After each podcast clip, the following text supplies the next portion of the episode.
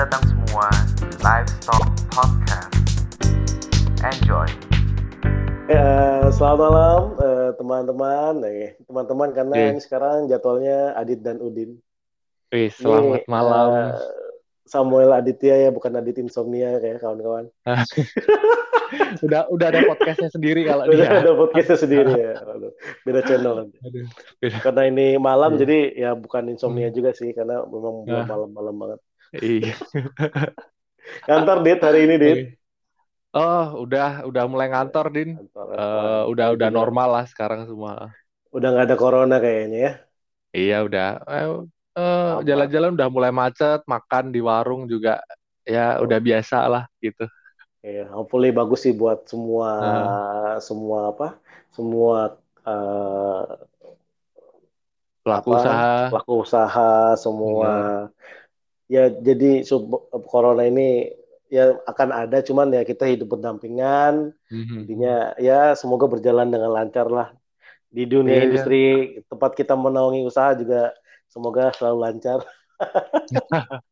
Ya, itu kalau eh, orang-orang udah mulai mulai sadar ya bahwa Iya. memang ke depan kita akan hidup dengan corona dan Iya. eh, ya memang caranya hidup dengan corona ya seperti yang kita sudah belajar kurang lebih dua tahun, ya, hampir dua tahun ini. Dan buat buat pelaku usaha ya, saya pikir juga mulai belajar juga banyak belajar satu setengah tahun ini dan ke depannya bakal mulai beradaptasi gitu, Din. Tuh. yang paling penting itu sekarang digitalisasi Hmm, digitalisasi berbasis aplikasi eh, semuanya tadinya nggak ada dijual di kita sebut vendor aja ya. Entah GoFood, entah GrabFood, entah ShopeeFood semua udah mencoba ke arah sana.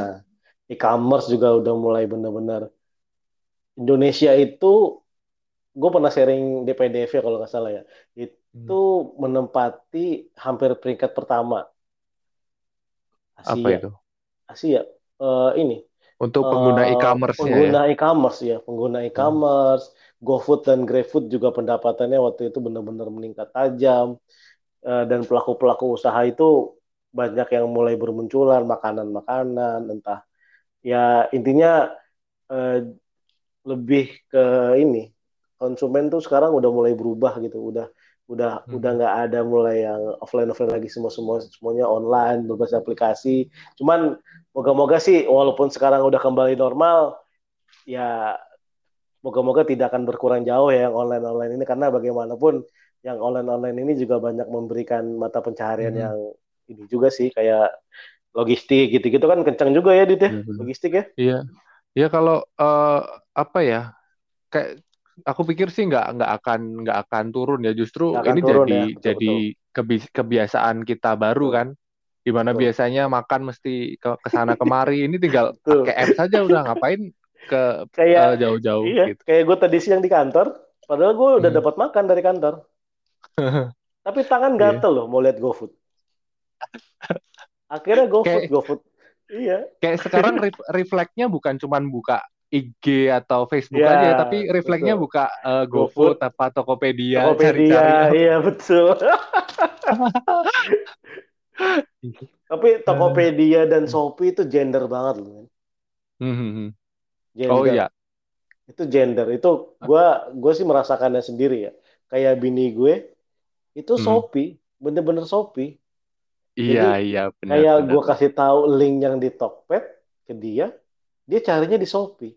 Walaupun harganya lebih mahal sedikit dia tetap pilih Shopee. Iya, entah kenapa kayak aku juga eh, dibandingin Shopee, lebih seneng cowok Tokped itu lebih seneng Tokped. Iya. nah betul kenapa ya Iya, kayak, kayak aneh Ah. maksudnya. kayak brand itu tuh udah kayak padahal kan Hmm. sasarannya bukan untuk cewek bukan untuk cowok kan tapi Hmm.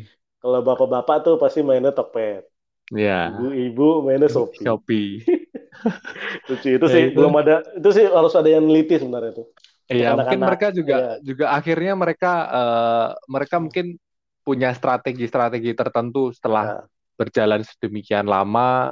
Betul Ya dengan kekuatan apa ya sekarang kalau kita bicara bisnis sekarang lebih ke data ke mereka kan perusahaan startup ya yang Iya. memanfaatkan data yang gimana mungkin sampai akhirnya mereka dapat insight tertentu akhirnya oh ini targetnya eh, untuk kalangan tertentu nih gitu. Nah, betul.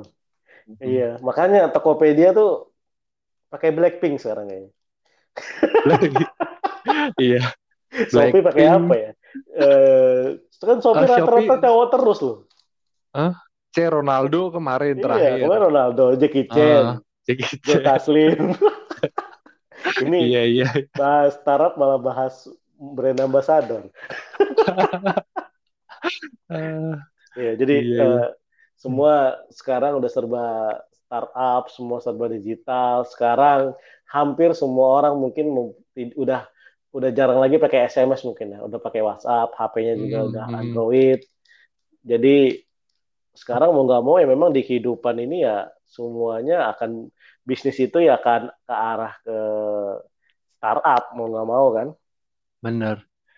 Ke arah lebih digital lah. Dan itu kayaknya peluang juga buat buat ya semuanya ya di bisnis mana pun. Tadi kan kita baru ngomong eh, makanan, baru apa Ya. marketplace. Kayaknya peluang bisnis ke depan lebih ke digital dan apa ya startup itu yang yang mungkin lebih lebih eh, bahasa umumnya yang biasa kita kita dengar sehari-hari ya. Iya. Ya, Kalau startup Hmm. itu sebenarnya pengertiannya apa sih? Tahu nggak Dit kalau pengertian startup tuh maksudnya kan teman-teman Oh. kan startup itu kan aplikasi apa enggak segala apa yang berbasis sebenarnya untuk untuk ke- kepentingannya tuh apa sih sebenarnya tuh? Eh, ini Kak, eh, pengetahuan umum Iya, aja eh, ya buat iya, aku set- aja, setahu setauku sih Aha. startup itu semacam mereka namanya juga startup ya. Dia Iya, iya. memulai memulai suatu bisnis dari nol mungkin bisa jadi Mhm. nolnya itu kayak bisnis modelnya selama ini belum pernah ada nih. Kayak Iya. Gojek dulu. Eh, Hmm. Gojek bisnis model seperti Gojek sebelumnya belum pernah ada. Makanya mungkin dia dinamakan startup. Tokopedia juga startup Iya. dan karena bisnis modelnya itu nggak ada, investor-investor yang masuk pun juga bukan investor konvensional, lebih ke investor yang memang mencari value-value ke depan seperti apa.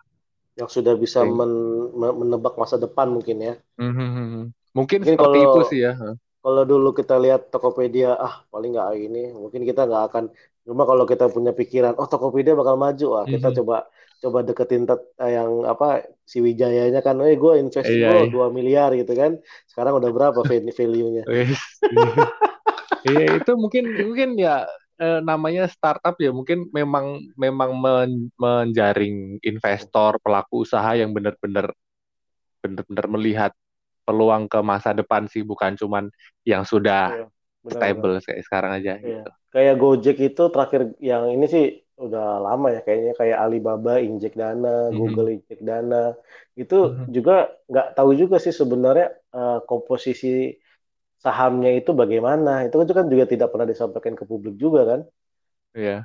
Itu nanti value-nya itu misalnya ternyata berapa persen, kan. Tapi sekarang ya Nadiem Makarim tetap jadi menteri terkaya apa tiga ya empat lima terkaya juga sih Iya, iya. Gar- Ya kan, Gara-gara dengan- Gojeknya. Iya, Mas dipanggil Mas Menteri tapi apa eh, di LHKPN 1,2 triliun. Oh kan kaget juga orang kan buset 1,2 triliun.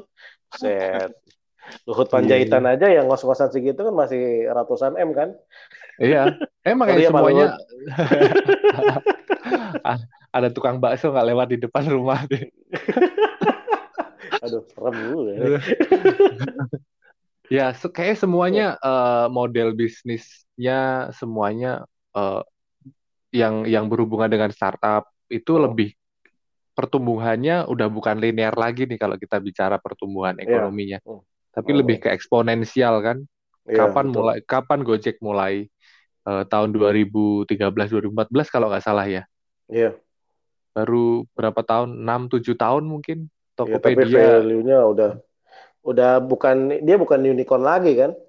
hmm, udah dekakorn ya kali ya. Udah Dekakorn, Dekakorn tuh yang udah value-nya udah yang nggak usah kita bilang lah ya udah udah bingung ya nilainya orang salah satu mantan CEO-nya aja 1,4 triliun hartanya kan.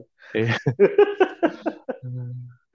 Gitu. Nah. Tapi eh, kalau di dunia peternakan ini kita kan karena livestock Hmm. ini kan di ngomong kita dunia peternakan, Hmm, ya, ya, ya, ya, ya. agri agri bisnis. eh, sekarang ini kan eh, kayak contoh lah kita beberapa case dunia pariwisata dongkrak banget karena Traveloka. Iya dong. Hmm. Ya betul Pasti ya. betul banget. Pasti. Traveloka itu akhirnya belakang ikut kayak tiket.com bla bla bla udah. Dunia kuliner terdongkrak Mhm. itu karena GoFood sama GrabFood dan Shopee Food, ya kan? Iya. Dunia perekonomian gak usah ditanya lah karena memang ekonomi tahun lima tahun terakhir emang digitalisasi ekonomi, semua serba Mhm. digital, cashless dan macam-macam sampai eh, mungkin dalam sebulan itu 200 ribu di dompet nggak nggak pernah kesentuh juga mungkin karena Oh iya. semua bayar pakai QRIS, pakai Hmm. e-money, eh, belanja pakai OVO segala macam Iya ya kan. iya iya benar-benar. Nah, eh, terus Perbankan perbankan akan beralih wah semuanya ke digital digital betul bank ya. betul duit itu jadinya angka bukan jadi fisik. Mhm. Jadi Nah, dompet itu ya. udah nggak ada besok, adanya cuman eh, card holder, Mhm. Iya Iya. kan? Card holder dan kartu aja sekarang udah nggak pakai karena gue gue gue udah pakai QRIS kalau bayar apa pun sekarang. Mhm. Iya. Iya, eh, itu dunia ekonomi yang udah pasti digitalisasi. Nah, sekarang nih di dunia pertanian dan peternakan, kira-kira kansnya tuh yang gue lihat sih lima tahun terakhir sih belum ada pergerakan yang berarti ya, belum belum ada pergerakan yang ada suatu penemuan yang hebat, ada suatu penemuan yang eh, bermanfaat bagi petani, bermanfaat bagi pemerintah, bermanfaat bagi kita selaku anak-anak muda yang kita kan sebagai karyawan tapi pengen investasi tapi Hmm. di mana nih mau mau taruh saham kita nggak ngerti saham karena kuliahnya peternakan kita mau taruh di mana kita masih bingung kan Iya, sebenarnya sebenarnya mungkin eh, memang tidak se-sophisticated ya eh, bidang-bidang lain ya. Kalau Iya, kita betul. bicara bidang peternakan mungkin lebih umum bidang pertanian lah, agriculture, bukan Oh. cuma peternakan.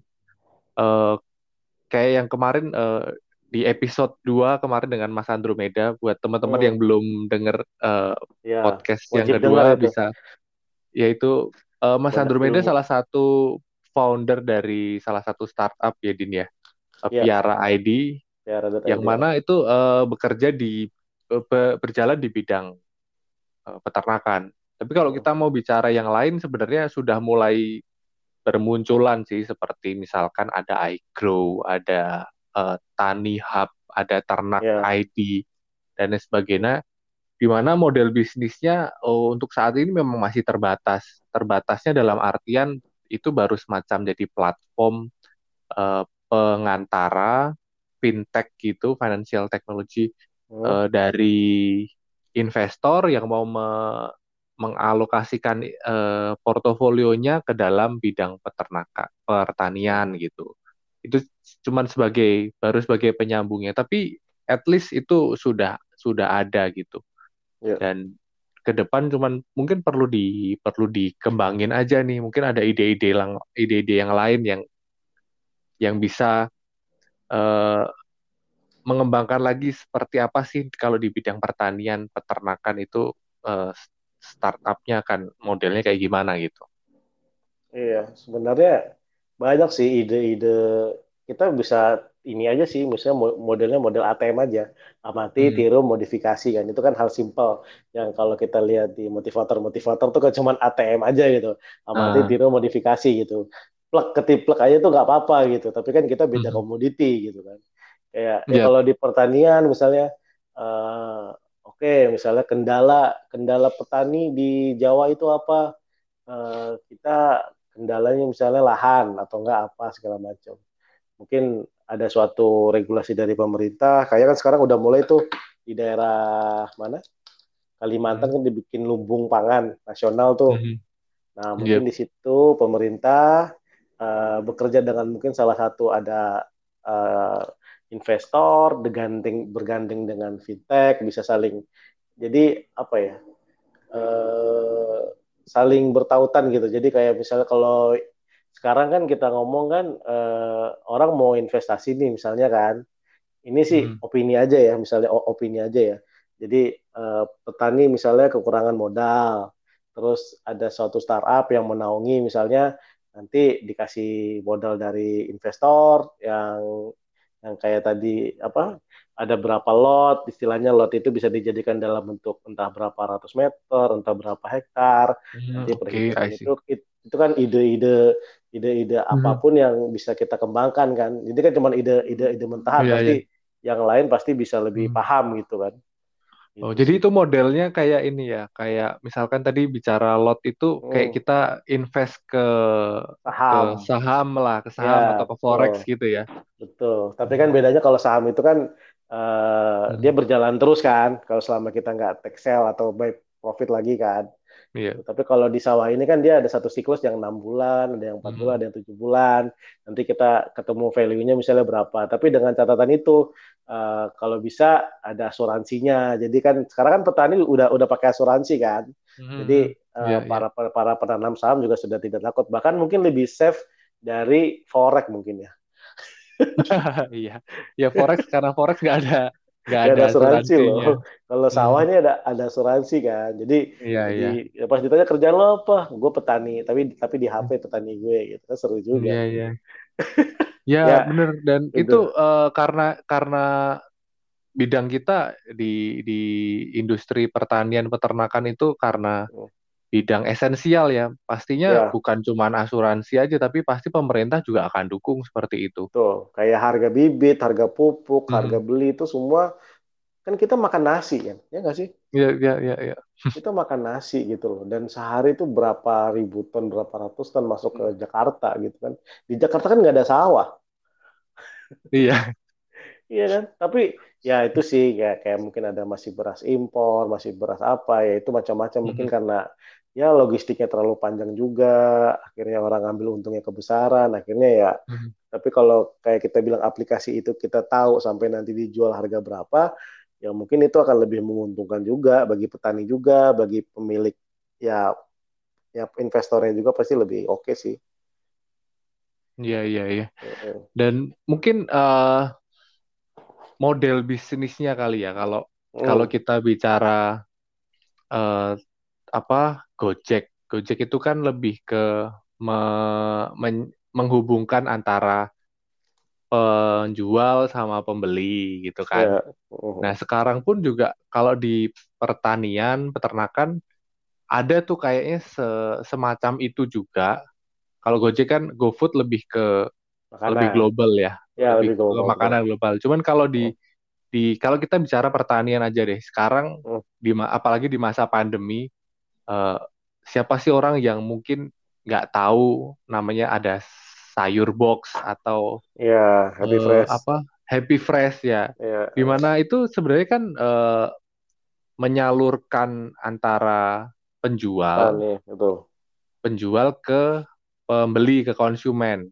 Ya, Nah, itu mungkin baru eh, ranahnya ba- baru dari penjual ya. Gimana kalau misalkan itu diperluas petani. lagi nih dari petaninya Ya, justru. betul. Kalau kalau ada suatu startup yang bisa mengakomodasi bahwa katakanlah eh, saya misalkan petani eh, sawi gitu ya.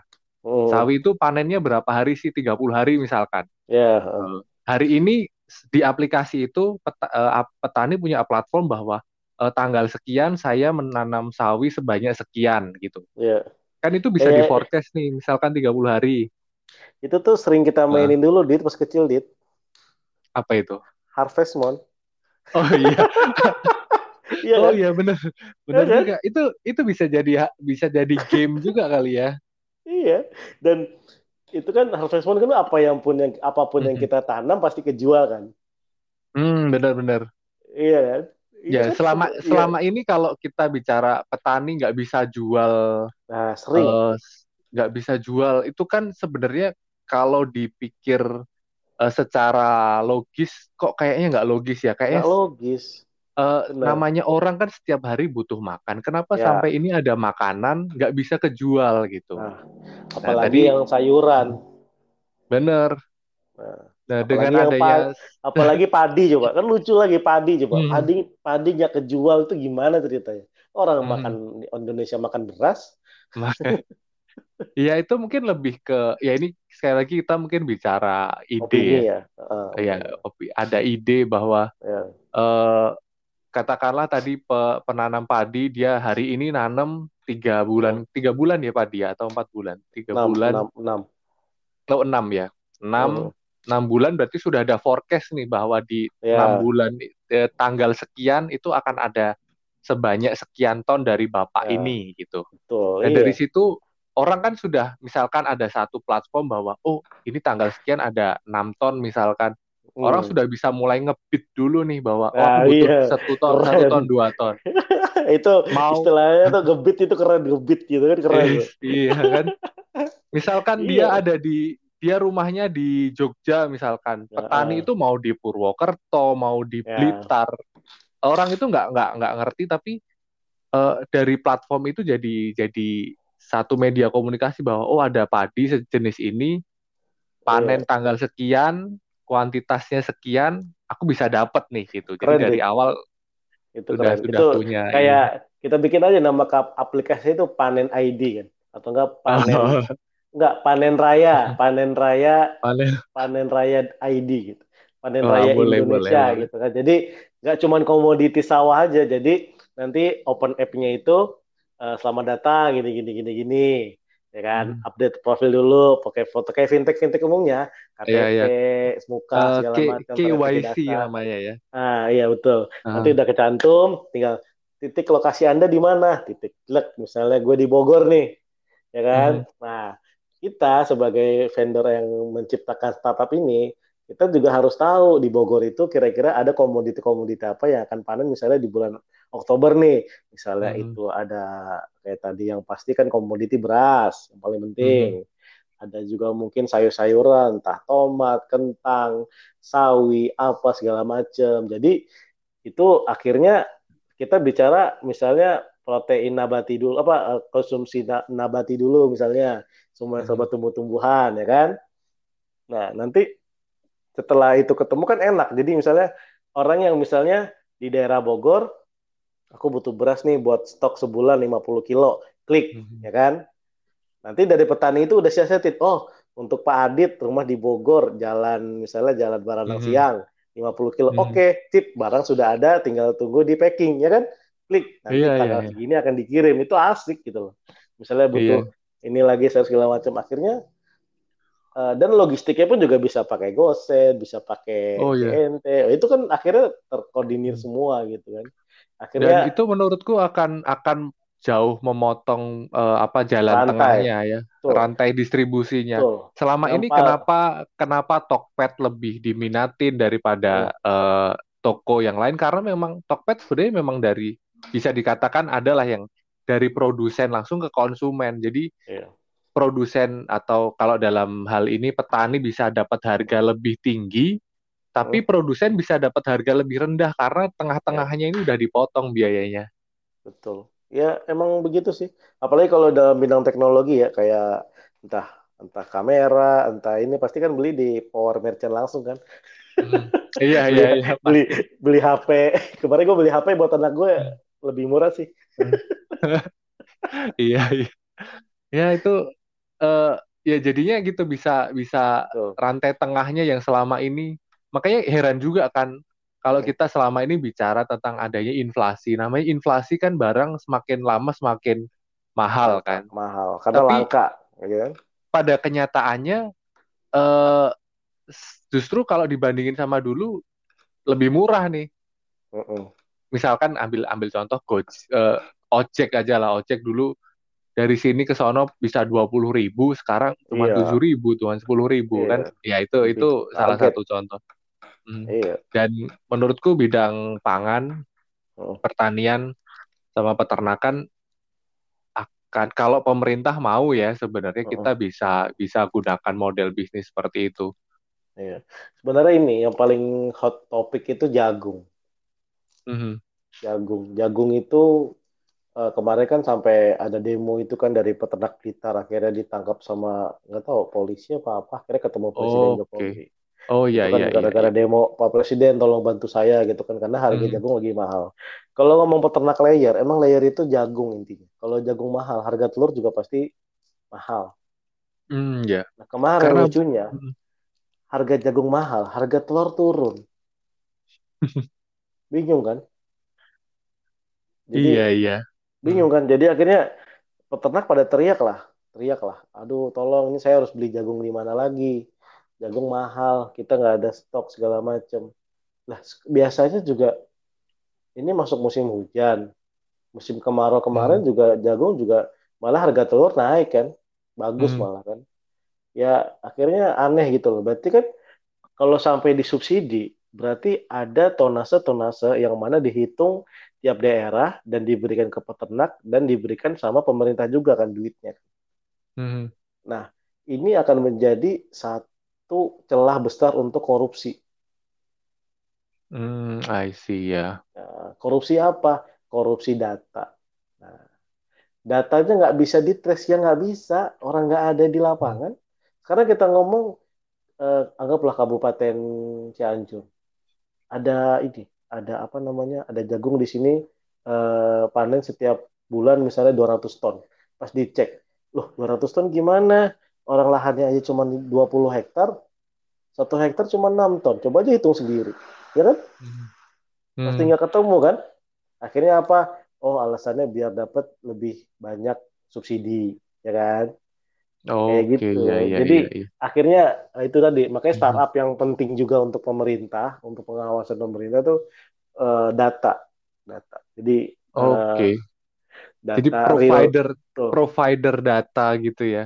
Ya, betul. Dan itu kalau Mhm. dari peternakan kita lebih prefer memang jagung. Jagung itu harus penting. Jadi data itu bila perlu Mhm. tiap kecamatan di tempat mana ada jagung berada itu harus ada servernya.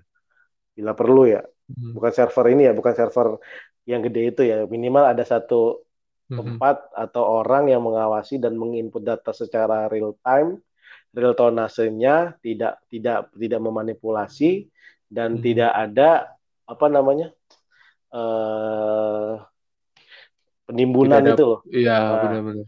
itu benar itu itu pasti Mhm. akan oke. ya kalau nggak salah juga eh, jagung ini kan eh, sekarang komoditi yang nggak boleh impor lagi ya, Din ya. Iya, betul. Iya. Eh, maksudku kalau kita coba analisa nih, eh, Hmm, agak aneh aja misalkan satu barang hmm, eh, harganya sangat mahal. Itu berarti kan iya, mahal itu kita bicara kalau bicara supply demand, berarti supply-nya nggak ada nih Kak, jadinya mahal. iya, betul. Tetapi ada di kebijakan lain, kita Hmm, mungkin ini agak mengkritisi kebijakan bahwa atau atau menganalisa kebijakan lah bahwa ada kebijakan bahwa tidak boleh impor. Tidak boleh impor berarti kan ada data lain yang mengatakan bahwa ini pasokan cukup. sebenarnya cukup. Nah, iya. cuk- eh, mungkin mungkin sama sih tadi eh, yang kamu bilang bahwa ini cukup tetapi harganya mahal. Kenapa nih ada celah di tengah-tengahnya nih? Hmm, Berarti kan ada miss tuh, miss miss miss di mana kita mungkin nggak ngerti ya.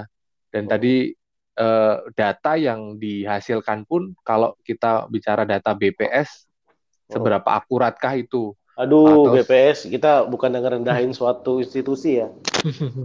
BPS tuh gimana ya? Kadang-kadang data tahun ke tahun aja tuh perubahannya tuh udah kayak pakai ini, Dit. pakai persenan. udah kayak teori ya.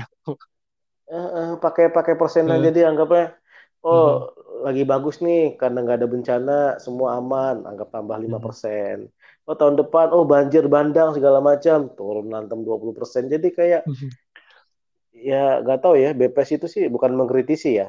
Eh, bangunannya gede-gede, orangnya pinter-pinter. Cuma nggak tahu di lapangan itu benar-benar real real data atau enggak gitu. Tapi kalau real Iya. data pun pertanyaan besar kita, loh kenapa jagung bisa mahal? Memang suplainya Mhm, berkurang. Tapi tiap wilayah pada komplain, apalagi Lampung. mhm. Lampung tuh klaim kan dia, padi dan jagung itu swasembada untuk kabupatennya sendiri, Iya, untuk sorry, untuk provinsinya sendiri untuk kan. provinsi. Iya.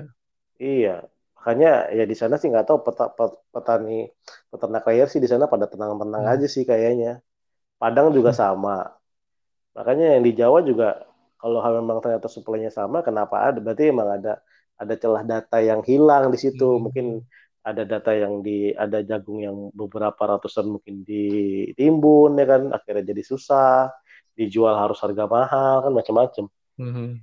Ya mungkin jadi ini bisa jadi bisa jadi masukan juga buat Oh, buat pemerintah kita atau teman-teman kita yang mungkin bekerja di di dinas atau Hmm. kementerian terkait.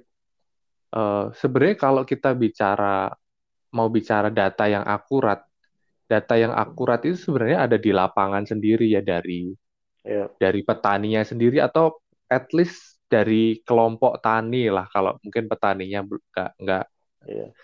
Nggak bisa provide data itu langsung dan Betul. dengan adanya teknologi sekarang Hmm. eh, infrastruktur yang ada itu nggak mustahil kalau misalkan enggak, enggak mustahil benar. Bisa. setiap setiap kelompok koperasi bisa mer- melaporkan eh, apa yang ada di wilayah mereka langsung ke dalam server katakanlah pemerintah punya server mereka sendiri sehingga secara real time tahu nih bahwa oh eh, di tempat ini ada Hmm. sekian petani jagung misalkan tadi ya Hmm. jagung yang nanamnya jagung jenis ini Nah, berapa betul. berapa ton potensinya forecast ke depan seperti apa sehingga eh, peluang-peluang manipulasi data atau Hmm. atau mungkin eh, lebih Error. ke mis, Ah, ini mis- ya. Ah. misinformasi lah ya Standar deviasi lah.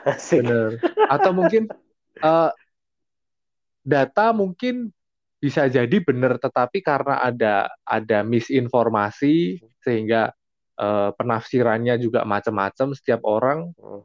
sehingga itu bisa bisa ya tadi yang kamu bilang bisa dimainkan tapi dengan Iya. adanya satu server tertentu yang yang mana ya jangankan kelompok tani mungkin petani itu sendiri kalau punya HP dia bisa masukin. NIK-nya dia Nah, benar. saya masukin sekian terus bisa Hmm. ngecek kapan har- harusnya panen gitu bisa Hmm. dipastikan bahwa sudah panen oke misalkan panen berapa ton gitu Iya.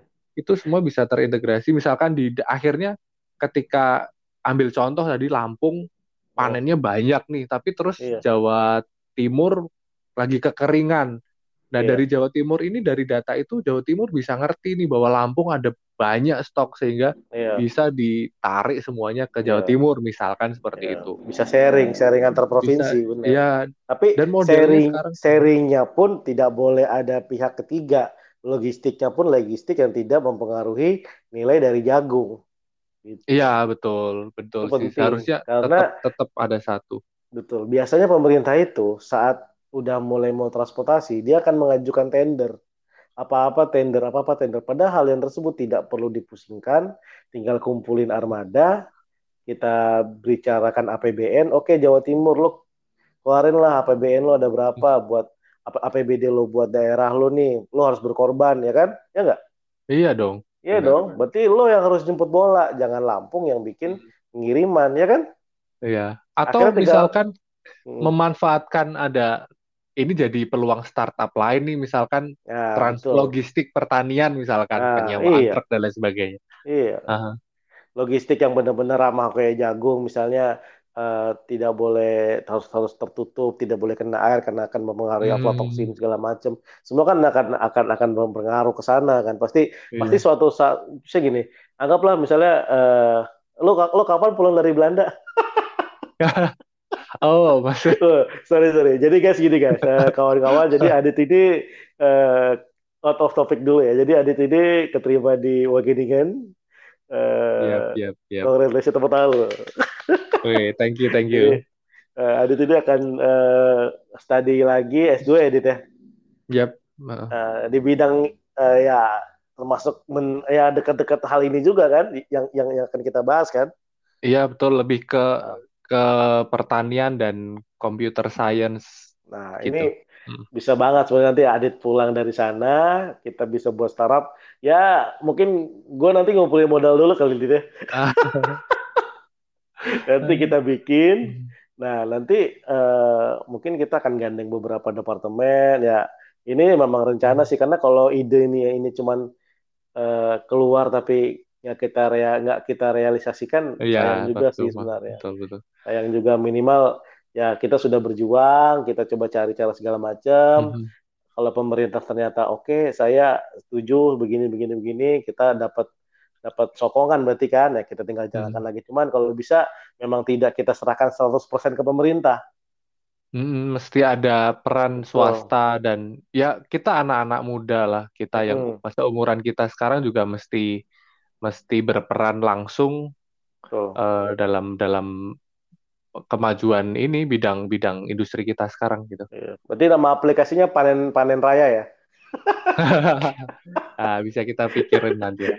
Tapi yang jelas gini, Din, eh, ide itu kan banyak. Kita Iya. malam malam eh, sekarang kita coba eh, apa brainstorming Iya. ya buat kita sendiri, buat teman-teman kita Mhm. juga bahwa eh, tidak mustahil sebenarnya eh, start teknologi startup, eh, model bisnis startup kita aplikasikan ke dalam bidang kita sekarang Betul. dan kalau tadi Sangat- kita kita sudah bicara, kita dalam mungkin 30 menit ini sudah bicara berbagai macam Iya, hal besar dan jenis, ya, betul betul. Mm-mm. Ya, eh, ki- harapannya sih bukan cuman eh, kita sendiri yang akhirnya berpikir terus Men- menjalankan sendiri, tapi teman-teman juga yang mendengarkan mungkin kebetulan Ya. mendengarkan ini ada ide lain dan Ah, bisa betul, dimanfaatkan Betul. di di dieksekusi gitu. Ah. Itu bak- akan akan akan karena modelnya eh, ke depan kita mesti kolaborasi ya. Kita udah nggak bisa lagi jalan sendiri-sendiri. nggak bisa, nggak bisa, nggak bisa. bisnis model sekarang ya seka- ini ini yang aku suka dan aku biasanya akan mengulang-ulang ini terus kalau cerita di mana pun bahwa bisnis model sekarang itu modelnya kolaborasi Gojek, Tokopedia Ah. semua kolaborasi nggak ada siapa sih yang paling besar Nggak ada. siapa yang kecil. Gojek itu kalau nggak ada tukang ojek mau jadi apa? Mhm, betul. Ayo loh, ya kan, simple kan? Bener dan semuanya itu eh, sama eh, Iya. modelnya kolaborasi kerjasama. Betul. Nah pertanian pun juga kita nggak bisa lagi egois Nggak di bisa. ego sektoral kita sendiri, tapi kita mesti Iya. kerjasama nih Nah, di- dengan semua pihak terkait gitu. betul. Dengan petani, dengan penyuluh lapangan dari dinas, dari Benar. Kementerian Pertanian, sampai Kementerian Perdagangan juga harus kita ikuti juga. Iya, dan investor yang punya duit mau Nah. terjun langsung kayak tadi model bisnis yang kita bicara di awal juga. Ya, betul. Mhm. Terus sih. Ya. Ide startup apa lagi yang kira-kira akan ya buat dunia peternakan akan lebih bagus tuh apa lagi kira-kira? Hmm, Tadi kan untuk eh, fintech, finance teknologi udah tuh di awal. iya. Kedua untuk data. Mhm. Untuk data ini berarti kan untuk pemerintah. Ya kan? Iya, betul. Mungkin Apalagi? lebih ke sistem sistem produksinya sendiri kali ya, Din ya. Nah, gimana gimana? Eh, kita kita selama ini kan tadi eh, yang sudah kita bahas lebih ke investor, ke produsen. Hmm. Eh, tadi bagaimana kita bisa me- memberikan akses data. Hmm. Eh, aku nggak nggak nih, ketika bisa nggak sih sebuah startup kita aplikasikan ke dalam sistem produksi di lapangan itu sendiri, Hmm.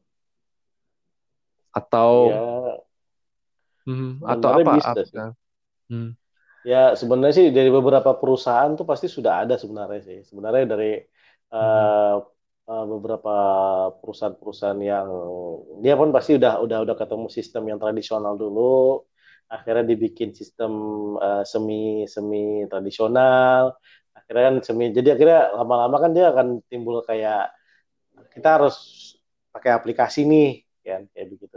Maksudnya sih eh, semua eh, peternak-peternak yang dalam tanda kutip ya kayak perusahaan-perusahaan besar pasti sudah ada sih untuk kayak aplikasi-aplikasi seperti itu sebenarnya. hmm.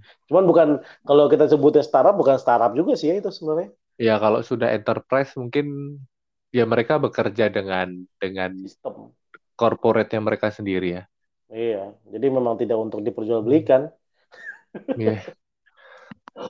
Kalau hmm, kalau kemarin eh, ya kita kembali ke obrolan kita dengan Mas Andrew, Iya, startup itu kan lebih ke ke satu fokus ke dalam satu bidang ya.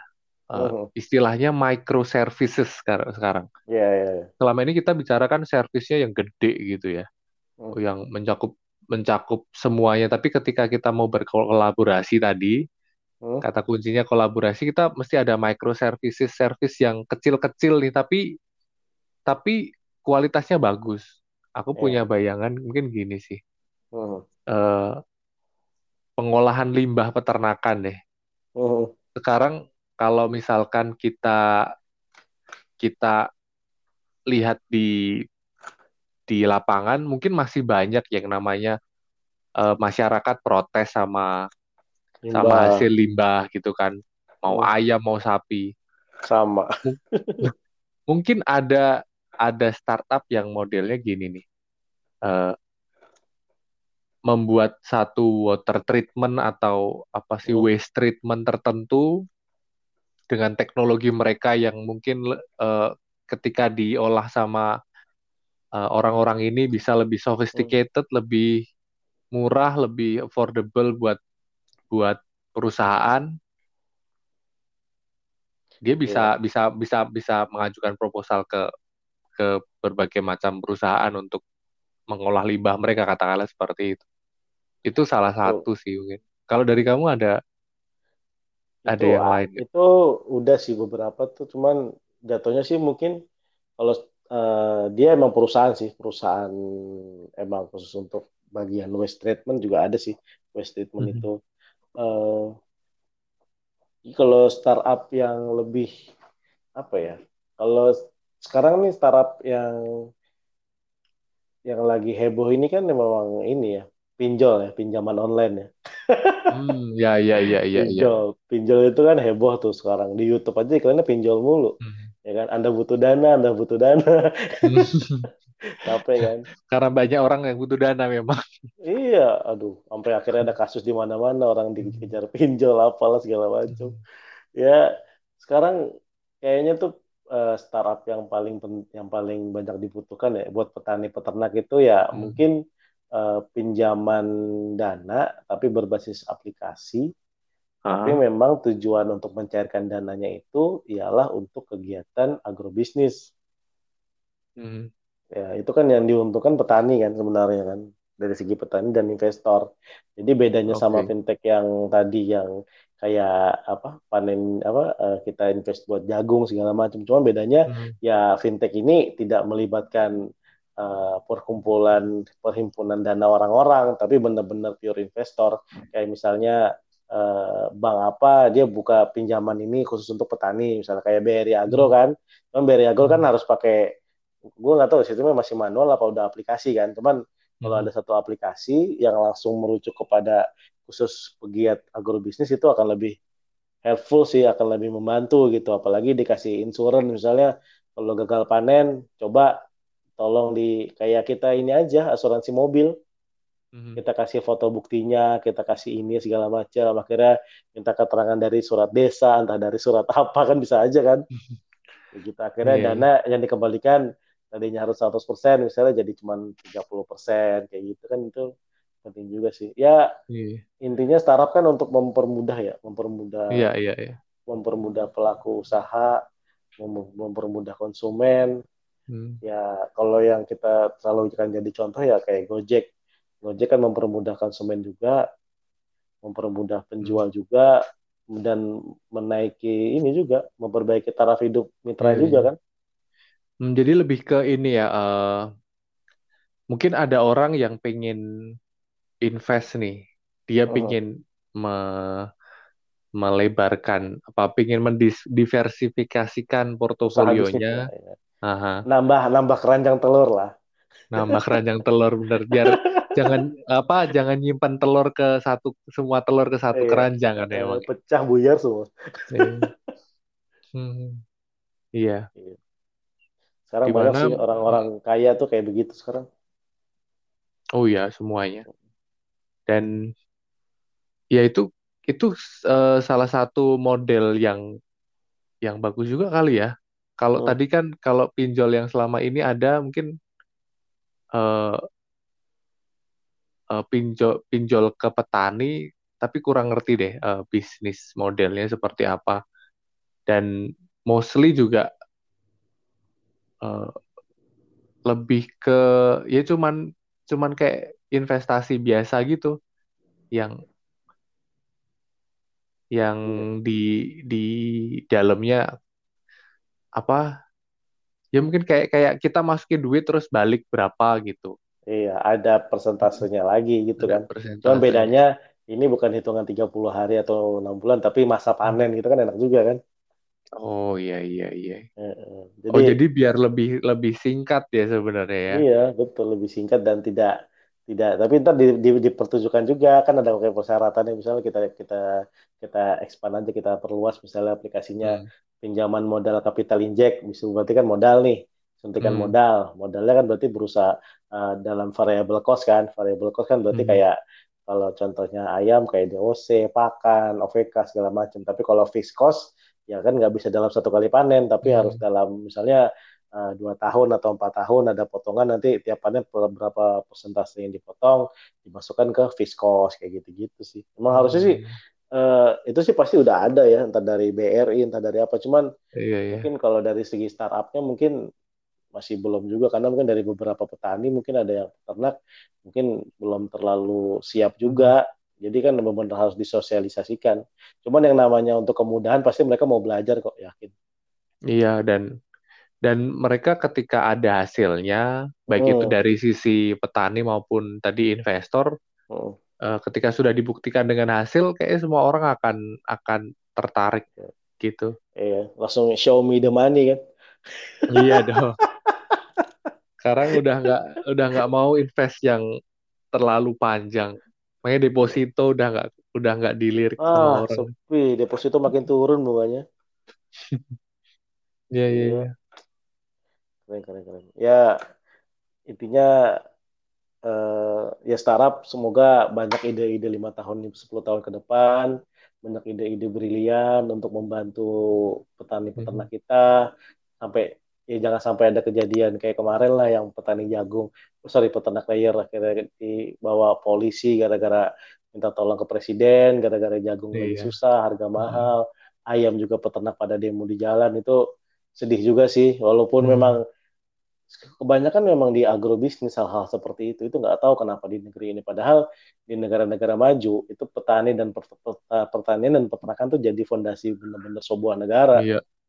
Nggak ada lagi tuh Dan demo segala macam tuh nggak ada di sana dan disupport penuh betul sama penuh sama pemerintah. iya bukan jangan kan hanya negara maju India aja yang notabene masih berkembang masih banyak orang nomaden di India itu di sana pertanian benar-benar disubsidi secara serius orang beli traktor yang bagus itu disubsidi 50% Hmm. Oh. langsung 50% disubsidi. Orang di sana itu, orang kalau kita lihat di kampung-kampung itu lebih baik punya traktor yang banyak daripada beli mobil yang mewah. Gitu. Iya, karena udah disubsidi produktif Betul. lagi kan. Nah, betul. Dan dia bu- buat transportasi juga ternyata. Iya, iya. Ya misalnya mau jalan ke kampung mana, dia pakai itu. Dan ini eh, satu contoh nih eh, sup- Hmm. tentang kita bicara tentang support pemerintah. Dulu waktu aku di Cina, Hmm. eh, di sana ketika ada truk pembawa bahan makanan yang masuk jalan tol, itu Hmm. Gratis Wah, gitu. lebih keren lagi tuh. Gratis. Jadi eh, transportasi logistik semuanya lancar. Nah, tapi ketika eh, di sini kita mungkin evaluasi ya, kita self evaluasi untuk di negara kita sendiri. Dulu di Sapi, eh, ironisnya eh, Mahal. kita kita cerita sama sama supirnya gitu. Opsla ya, pas lagi opsla ya. Waktu lagi opslah, waktu awal-awal jalan tol baru tuh Aduh, Din, di, di ampun. Lampung, Preman di mana-mana. kita tanya, Pak, lewat jalan tol yang baru, Pak, gitu. Enggak, Pak. Orang Mahal, soalnya Pak. jalan mahal, ini eh, yang nanggung tolnya juga kita nggak kita nggak nggak di nggak ada biaya untuk Wah, uang tol, jadi ya sedih ya. lewat jalan biasa, tentu efeknya ke sapinya lebih lama. Oh, Terus belum ya belum di jalan juga takutnya ada yang ngembosin, minta jatah preman. Wah, tuh. Itulah kurang kurang matang sih emang. Iya. Ya ya moga-moga eh, kan 10 tahun 20 tahun lagi kan orang-orang yang itu kan akan regenerasi pasti kan karena nggak Iya. ada yang hidup selamanya tuh nggak ada. Eh, hebat-hebatnya orang pasti kalau udah regenerasi ya akalnya mungkin ada. Cuman untuk eksekusinya dia udah nggak sanggup lagi gitu. Iya, iya, iya. Ya, dan Oke. ini eh, kesem- kesempatan kita lah yang Betul. kita masih 20, 30, 40 tahun untuk untuk eksekusi. Betul. Nggak ada kata terlambat sih emang. Ah, gila, panjang banget ya obrolan kita ya soal ini. ya. Gila, Emang gila. ide-ide ini aja baru dua kepala loh, belum kita gabung Oh, sama iya. Anton sama Andre. Uh, bisa bisa lama memang Gitu ya. Ya, intinya startup ya harus berkembang untuk Hmm. dunia agro. Banyak ya, kita juga minta masuk-masukan juga bagi teman-teman semua misalnya ada ide atau apa, bisa sharing lewat IG kita atau klub Telegram kita juga ada. Nanti kita akan Hmm. diskusikan lah rame-rame pokoknya. Oh, ini. Yap, yap. Edit, Oke, thank you. thank you Din. Good night. Good night semuanya. Bye. Bye.